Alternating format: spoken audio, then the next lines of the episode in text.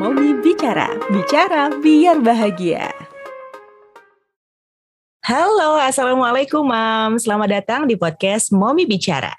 Episode April kali ini ada saya Fitri yang jadi hostnya dan kali ini kita masuk ke episode profesi Mami. Ada seorang ibu berstatus abdi negara yang akan kita ajak ngobrol nih seputar profesi beliau. Langsung aja ya.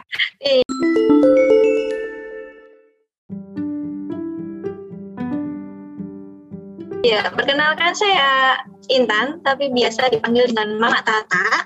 Anak sekarang dua. Oke. Terus uh, yang paling besar 10 tahun, yang kecil uh, mau 2 tahun. Uh, saya sekarang sebagai abdi negara di salah satu kementerian dan posisinya jabatannya sebagai penanganan komputer. Oke. Divisi IT. Oke benar. Sekarang kita langsung ngobrolin ya profesinya Mam Tapta ini. Ini kan tadi disebut sebagai seorang abdi negara atau sekarang istilahnya ASN ya Mak Tata ya benar ya. ASN-nya itu sejak kapan sih? Uh, kebetulan saya angkatan baru, jadi angkatan COVID bisa dibilang ya. Dari tahun saya ikut. Jadi uh, mungkin ini agak pengalaman terpanjang nih dari uh, penerimaan ASN ya karena saya daftar di 2019 saya tesnya di 2020 dan saya mulai bekerja di 2021 jadi butuh tiga tahun. Oh gitu. Uh. spesial banget ya karena memang angkatan covid dan memang uh, kemarin juga uh, gimana ya agak tersendat ya karena situasi ya. Jadi ya mau nggak mau panjang lah prosesnya untuk saat ini saya bekerja di Pusat Pengembangan Sumber Daya Manusia Tenaga Kerjaan di bawah Kementerian Tenaga Kerja. Nah, oke. Okay. Jadi uh, ada hubungannya sama sumber daya manusia ataupun ketenaga kerjaan gitu ya uh, tugasnya dari Mak Tata ini. Terus kenapa sih uh, mau milih jadi ASN dan itu juga belum lama kan? Sebelumnya apakah uh, jadi honorer atau gimana gitu? Sebelumnya saya di swasta. Dan mm -hmm. itu sudah lama banget ya hampir 12 tahun saya di swasta. 13 tahun saya di swasta. Nah mm. kepikiran untuk daftar CPNS itu sebenarnya nggak sengaja karena penasaran. Dan ini first time banget aku ikut yang namanya tes CPNS karena penasaran sama teman-temanku tuh sampai segitunya ya sampai ikut uh, apa namanya ikut les ya ikut les dibela-belain sampai yang hal mistis gitu itu demi bisa lolos untuk tes CPNS dan dari situ aku penasaran ya. Terus ah coba ah gitu. Loh ternyata dari coba-coba ini malah berhasil gitu loh. Tapi dari situ juga jadi mungkin ini udah takdirnya ya. Takdirnya dari uh, Allah karena aku sempat sempat jenuh juga dengan pekerjaan gue sekarang dan aku pengen cari pekerjaan baru. Tapi uh, karena masih covid waktu itu jadi anak diajak kalau misalkan pandemi sudah berakhir baru aku rencana untuk resign dan cari kerja yang lebih menantang lagi dan nggak sengaja ikut tes PNS dan malah keterima ya berarti alhamdulillah banget gitu loh. Berarti ini bisa dibilang ah, orang tua nggak ada campur tangan nih, nggak nyuruh kayak oh, kamu kan perempuan tak uh, ambil PNS aja biar dapat pensiunan gitu nggak ya? Kalau basicnya orang tua PNS, tapi kalau oh, disuruh masuk aku gak mau waktu itu karena aku udah males duluan sama tes CPNS kayak yang udah duluan. Terima gitu. Mau tesnya tuh susah banget gitu loh. Ternyata ya uh, mungkin rezekinya baby ya waktu itu aku masih hamil pas lagi tes oh. itu. Uh, uh, uh, uh. dari si baby ya alhamdulillah bisa keterima. Oh berarti nggak masalah ya mam ya? CPNS sambil uh, hamil terus melahirkan gitu. Maksudnya nggak nggak dikasih batasan harus belum menikah atau udah menikah tanpa anak gitu enggak ya? Enggak ada. Mungkin untuk yang sekolah kedinasan mungkin ya, tapi kalau untuk yang dia benar-benar murni PNS yang dari CPNS itu enggak ada. Bahkan temanku tuh ada yang hampir usianya udah mepet banget. Kemarin ada sempat ada uh, cerita sedih juga. Mm-hmm. Jadi uh, eh, PNS itu kan uh, eh, CPNS itu kan maksimal 35. Sedangkan di tahun 2019 itu dia sudah 35 harusnya ketika dia uh, di 2020 kalau bisa kan berjalan dengan lancar dia harusnya sudah sudah bisa lah gitu. Tapi ternyata kan ini pemberkasannya itu melewati dari usia dia 35 jadi pas pemberkasan itu uh, maaf bukan pemberkasan pas uh, SKB itu dia 36 nah di situ dia udah udah down banget gitu loh. Sudah seneng udah mau tes ternyata kepentok di usia. Akhirnya ya sudah mau gimana lagi memang udah by system kan untuk tes CPNS ini jadi ya sudah dia harus merelakan pengiklasan dia nggak nggak bisa lanjut ke tahap selanjutnya gitu Oh, kepentok sama umur ya Allah. Kalau emang belum rezeki gitu ya, maksudnya kayak ada aja uh, jalannya jadi nggak jadi. Mudah-mudahan sih temennya dapat yang lebih baik lagi ya, Mom Tata ya. Amin. Amin. Terus ini kan uh, profesi jadi ASN tuh memang banyak masih banyak yang memimpikan. Terus susah nggak sih menjalani profesi ini, Mom Tata?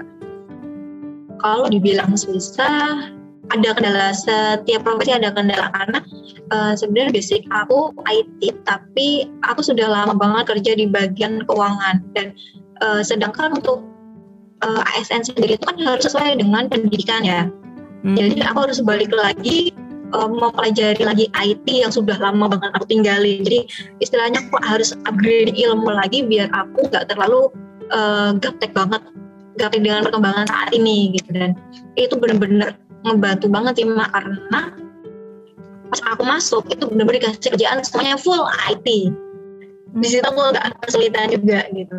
Kalau untuk masalah waktunya sebenarnya lebih fleksibel ya untuk ASN karena office hour. Beda dengan uh, waktu di swasta yang satu minggu pun aku masih kerja gitu loh. Jadi untuk uh, waktu dengan anak pun manajemen waktunya lebih lebih fleksibel yang sekarang. Oke, weekend anak libur sekolah ikutan libur gitu ya, bisa diajakin jalan-jalan bareng-bareng, lumayan. Alhamdulillah.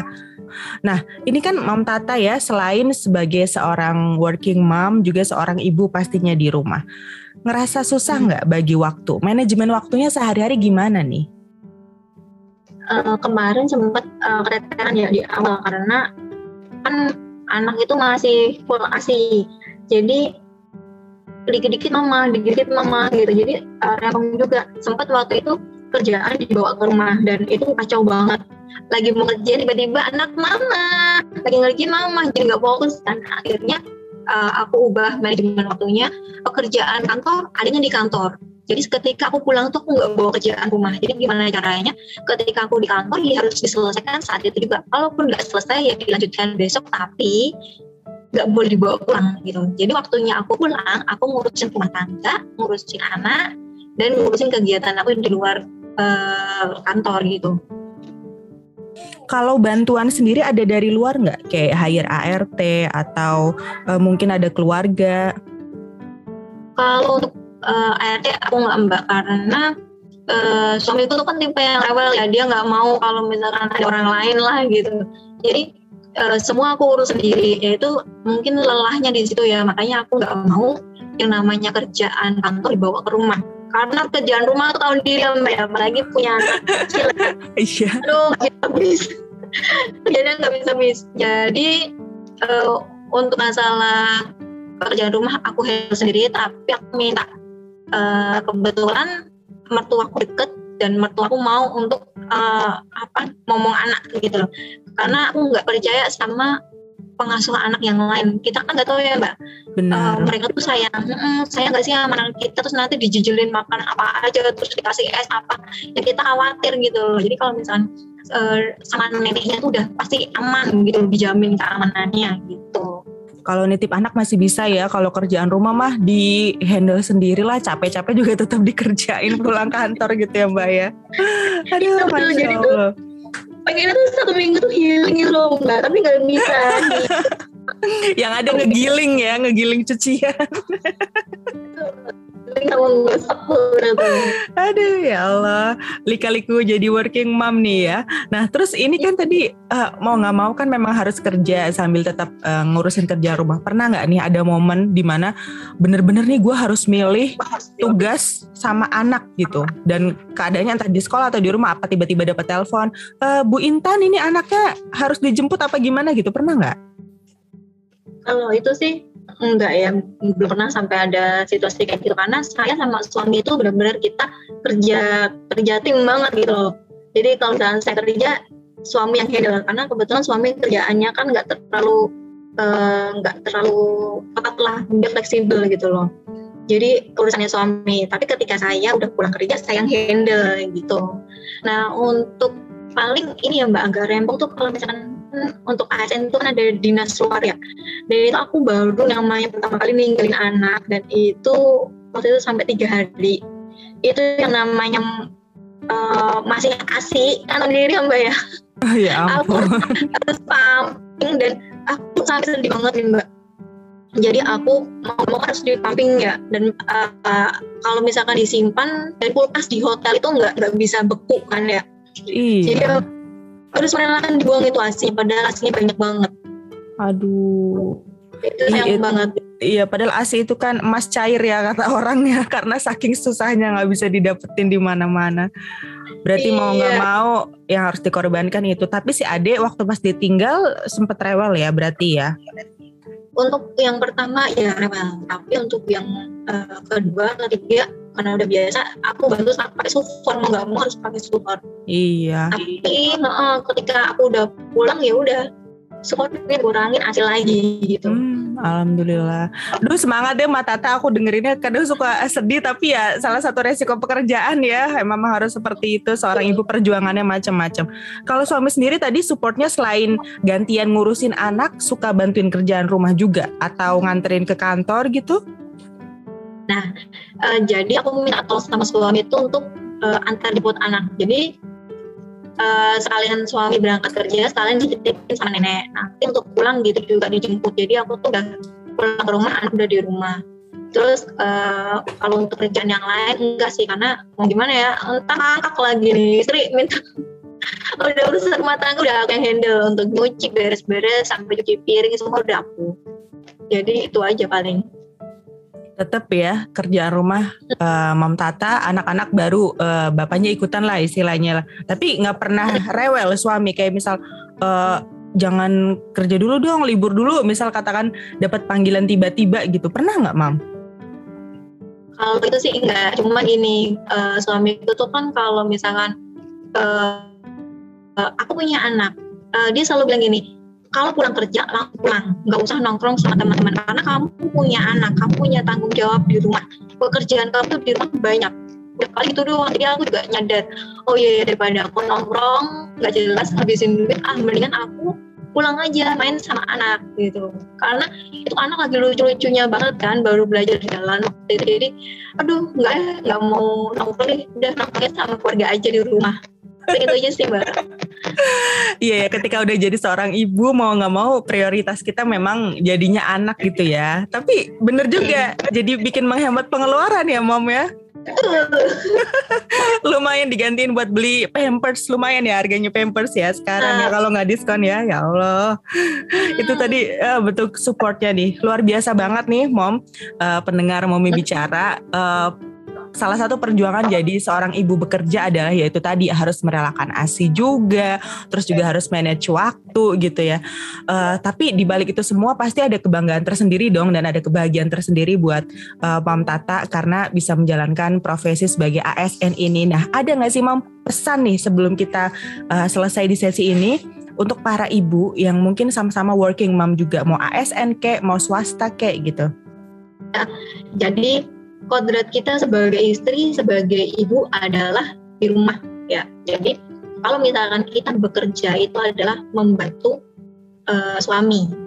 Dan itu atas izin suami. Jadi kita sebagai perempuan harus bisa memilih harus bisa eh, bagaimana caranya biar seimbang antara pekerjaan dan di rumah. Jadi lebih ke manajemen waktu aja. Jangan sampai kita kasihkan bekerja tapi keluarga kita terlantar karena kita sebagai perempuan tugasnya bukan tugas utama untuk mencari nafkah gitu mbak Berarti intinya adalah tetap harus ingat kodrat sebagai perempuan dan ibu ya Mbak Tata ya. iya Betul. Terima kasih banyak nih eh, Mom Tata udah meluangkan waktu untuk ngobrol di podcast Momi Bicara. Dan biasanya aku nanya nih kalau habis ngobrol gini, are you happy bicara di Momi Bicara?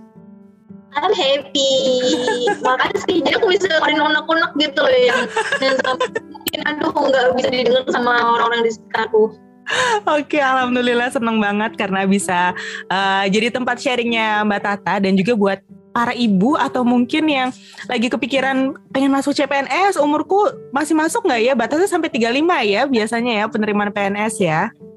Iya. Masih ada kesempatan insya Allah. Makasih sekali lagi Mom Tata. Selamat bekerja kembali atau mungkin siap-siap mau pulang ya. Udah mau jam 4 ya. dia mau pulang. Iya bener hati-hati di jalan. Salam untuk keluarga dan akhir kata dadah Mom Tata. Bye.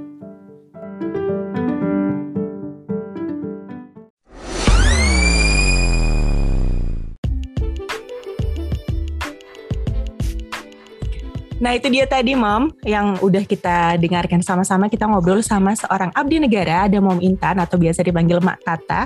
Beliau juga punya podcast. Uh, nanti saya sharing juga podcastnya ya di kolom komentar di caption Instagram ya.